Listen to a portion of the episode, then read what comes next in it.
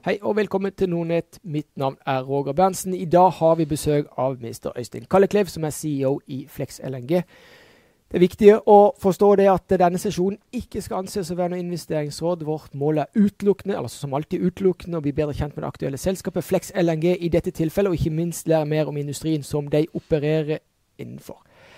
Dette blir en ren Q&A-session. Selskapet har ja, for litt siden, eller for ikke lenge siden levert sine Q3-tall, så vi starter med det. Ja. Øystein, Q3. Ja. Kan du ta oss gjennom hovedpunktene? og Har det vært Ja, noen det er ikke- overraskelse? Nei, det er vel sjelden overraskelse for Flex LNG. Vi har alle skipene våre på kontrakter og leverer stabile, solide uh, resultater. Um, for Q3 så hadde vi altså I forhold til Q2 da, i Q2, det er jo en, Q2 er jo en lavsesong Mm. innenfor LNG-frakt. Det er sånn kalt skuldermåneden. Du kommer ut av vinteren i, før, rett før sommeren hvor liksom etterspørselen tar seg opp. Eh, for da trenger du naturgass for eh, eh, og, og strøm til eh, aircondition, som i dag er en stor driver av, av strømforbruk. Så Derfor så er det for oss fornuftig å ta båter ut av eh, drift i andre kvartal og gjøre eh, periodisk vedlikehold. Så I år er det første året vi har hatt periodisk vedlikehold av båtene. Vi tok ut én båt i mars, altså i Q1, og så tok vi de tre båter ut i, i Q2. Da tar man en ut av drift for å, ta de i dokk og gjøre en sånn femårsklasse. Siden vi har en ny flåte, så er det første året vi også har femårsklasse. Eh, og det påvirker jo resultatet ditt i at du ikke har samme eh, driftsinntekter. For det, i, i snitt så har vi brukt 19 dager per skip i, i, for periodisk vedlikehold. Så i Q3 da har vi alle båtene tilbake i drift, og da øker jo selvsagt inntektene eh, av den grunn. Og så øker inntektene også av den grunn at vi har én båt på indeks som er knytta til eh, spotmarkedet, som typisk Q3 er bedre enn Q2, som er normalt det svakeste kvartalet. Og så forventer vi at det Eller det ser vi jo allerede nå er ved slutten av november, at Q4 blir enda sterkere. Så for, eh, for fjerde, nei, tredje kvartal så hadde vi guidet eh, inntekter på 90-95 millioner dollar og leverer 94,6 millioner dollar. Eh, og så har vi tidligere på året, altså i, i, i, i februar når vi la fram fjerdekvartalsrapporten vår, så guidet vi hele året. Eh, og da hadde vi guidet eh, fjerde kvartal 90 til eh, 100 millioner dollar i inntekter. Og så har vi nå, eh, som vi ser markedet, så har vi liksom eh, justert den rangen til 97 til 99 millioner, altså i høye enden av den skalaen. Eh, som betyr at vi er eh, eh, godt på vei til å levere guidingen for året. Guidingen for året vårt er 370 millioner i inntekter. Vi forventer at det blir ca. 370. Og så har vi guidet på EBITDA, som er 290-295 millioner dollar. Og det forventer vi å levere på. Så har vi guidet på snittinntjening på flåten til ca. 80 000. Uh, det forventer vi å levere på. Og så hadde vi også guidet på, på, på dokkingene våre i år. Vi har guidet at vi forventet 80-100 dager. Vi endte opp på 77 dager. Og så forventet vi at vi kom til å bruke 18-20 millioner dollar på periodisk vedlikehold, og vi ble, leverer det på 20. Så, så alle de fem parameterne vi guidet på, leverer vi på. Eh, og det er en refleksjon av at dette er en veldig stabil forretning, hvor, uh, hvor alle båtene er på, på time charter. Eh, 12 av 13 båter på fast hyre, og så har vi én båt som som er på indeks. Og da er spørsmålet hvor langt fram i tid kan du planlegge i, eh, i din business? Ja, vi planlegger ganske langt fram i tid. Vi har riktignok én båt som potensielt kan komme åpen neste år, i andre kvartal. Eh, Flex Constellation. Vi vil vite på begynnelsen av nyåret om den blir forlenget enten ett, to eller tre år. Eh, og da er den i så fall åpen i midten av 27. Den neste båten eh, som er full, full, fullstendig åpen, da, er Flex Ranger, som kommer åpen i ja, slutten av første kvartal 27. Så det som vi jobber med nå, er å markedsføre de båtene når de kommer åpne i 27, eh, for period, lengre perioder. Og, og, og der eh, er det jo interesse, og det er drevet av nye LNG-eksportfabrikker. Eh, fornying av flåten pga. mer effektive båter i dag enn det som var historisk. Eh, og så er det jo selvsagt at eh, nybyggingsprisen har blitt så høy nå at vi endelig ser en litt sånn avtagning i kontrahering av nybygg. Nettopp.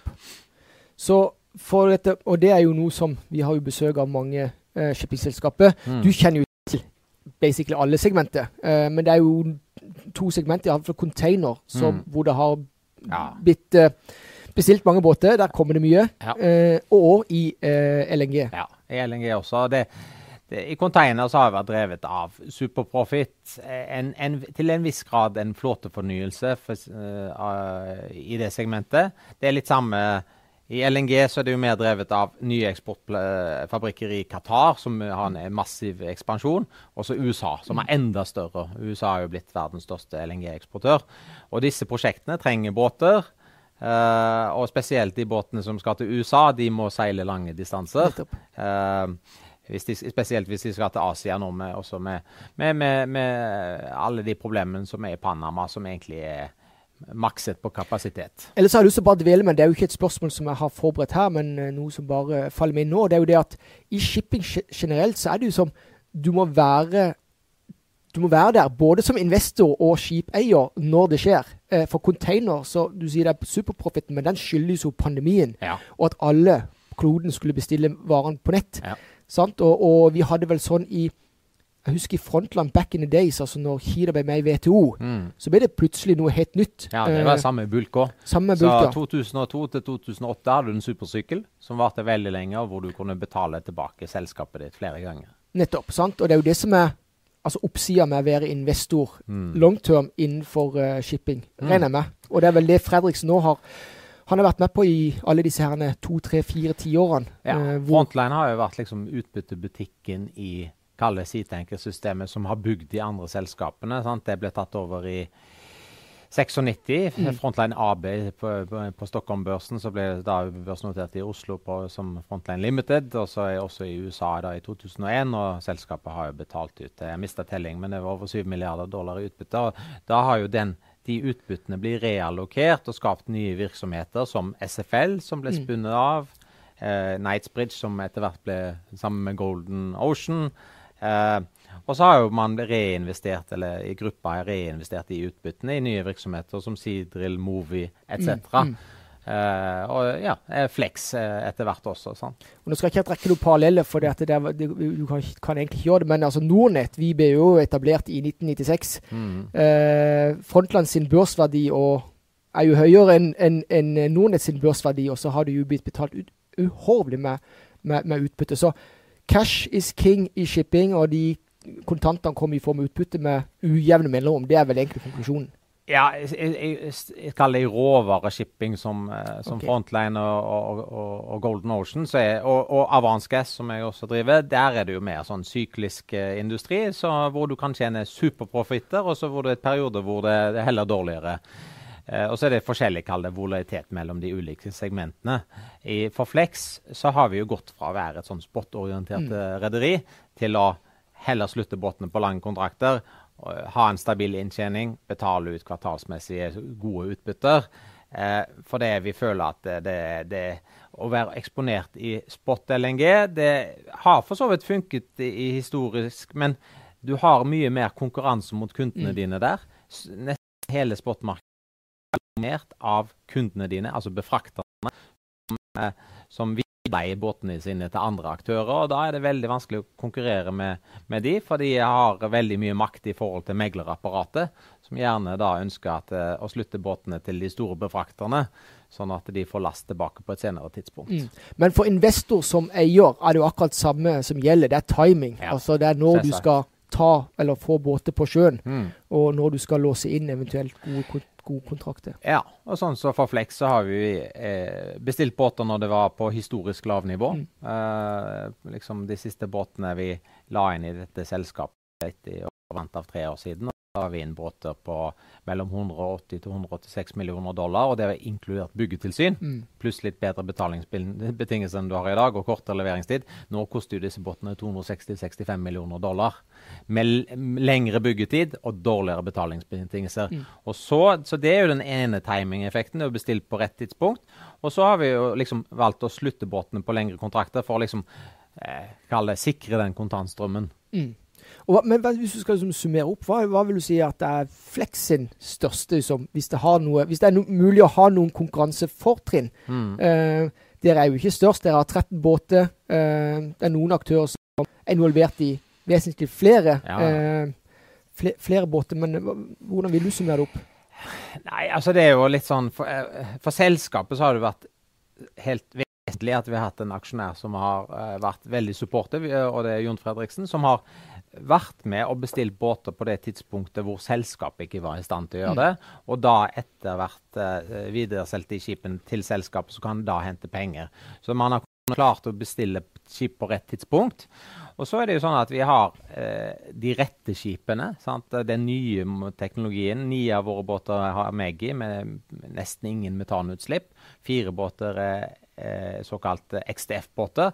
Dette er de mest, største, mest moderne skipene som gir liksom den laveste, jeg fraktøkonomien. da. Altså du reduserer drivstofforbruket ditt sånn ca. 60 versus jeg kaller det de stimbåtene som er fortsatt mange av på vannet.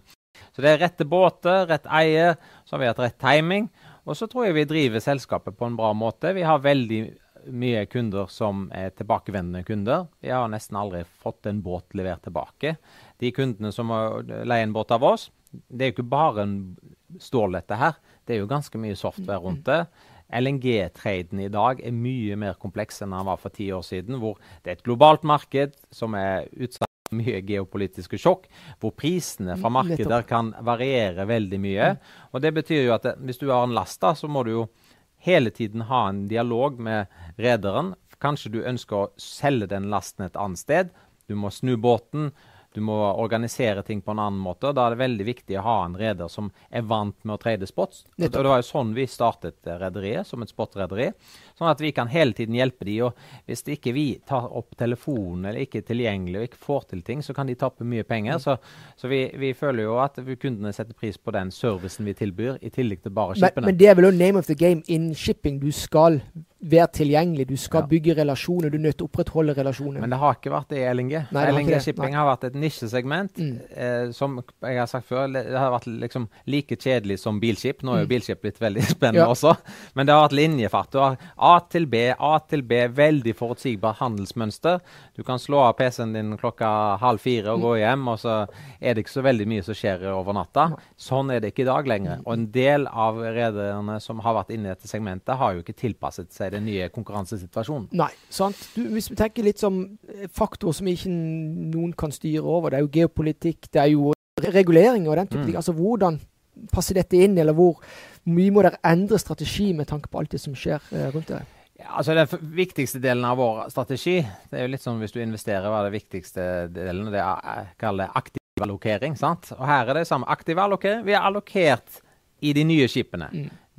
Som sagt, du reduserer drivstofforbruket ca. 60 kom- for, i forhold til disse stimbåtene. IMOs ambisjon var å redusere karbonintensiteten fra 2008 til 2050 med 70% Du har nesten klart det bare med å bestille de båtene. Og Så kan du alltid tilpasse fart og sånn for å få ned drivstoffforbruket drivstofforbruket enda mer. Og så er det en del sånn småjusteringer som vi gjør hele tiden med å installere eh, det som vi kaller på godt norsk energy saving devices, for å få ned eh, forbruket enda mer. Vi bruker en del analysekraft med at vi putter inn sensorer på båten. Laster disse sensordataene inn på en sånn cloud-based big data. Og så bruker vi også AI til å liksom hele tiden lese denne dataen og for, komme med forslag, komme med warning for å se om her, her er noe du kan tilpasse for å optimalisere reisene dine. Og det er din fordel, altså. Nå bruker jo jeg ordet nerd eh, nokså ofte fordi at jeg er nerd sjøl, og det er ikke et belasta begrep. Vi lever i nerdens tidsalder.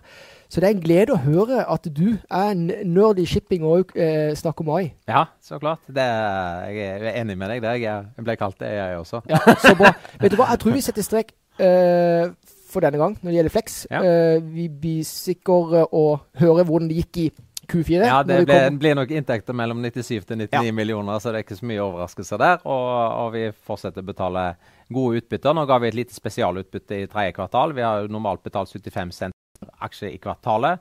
Så betalte vi 87,5 cents dette kvartalet, og eh, aksjen gikk ekstiv eh, i går. Eh, så da er de pengene på vei til Ja. eh, aksjonærene. Og så er vi tilbake med nye tall i februar. Og cash er bra når renta er høy. Det syns jeg òg. Ja. OK, tipp topp. Snakkes.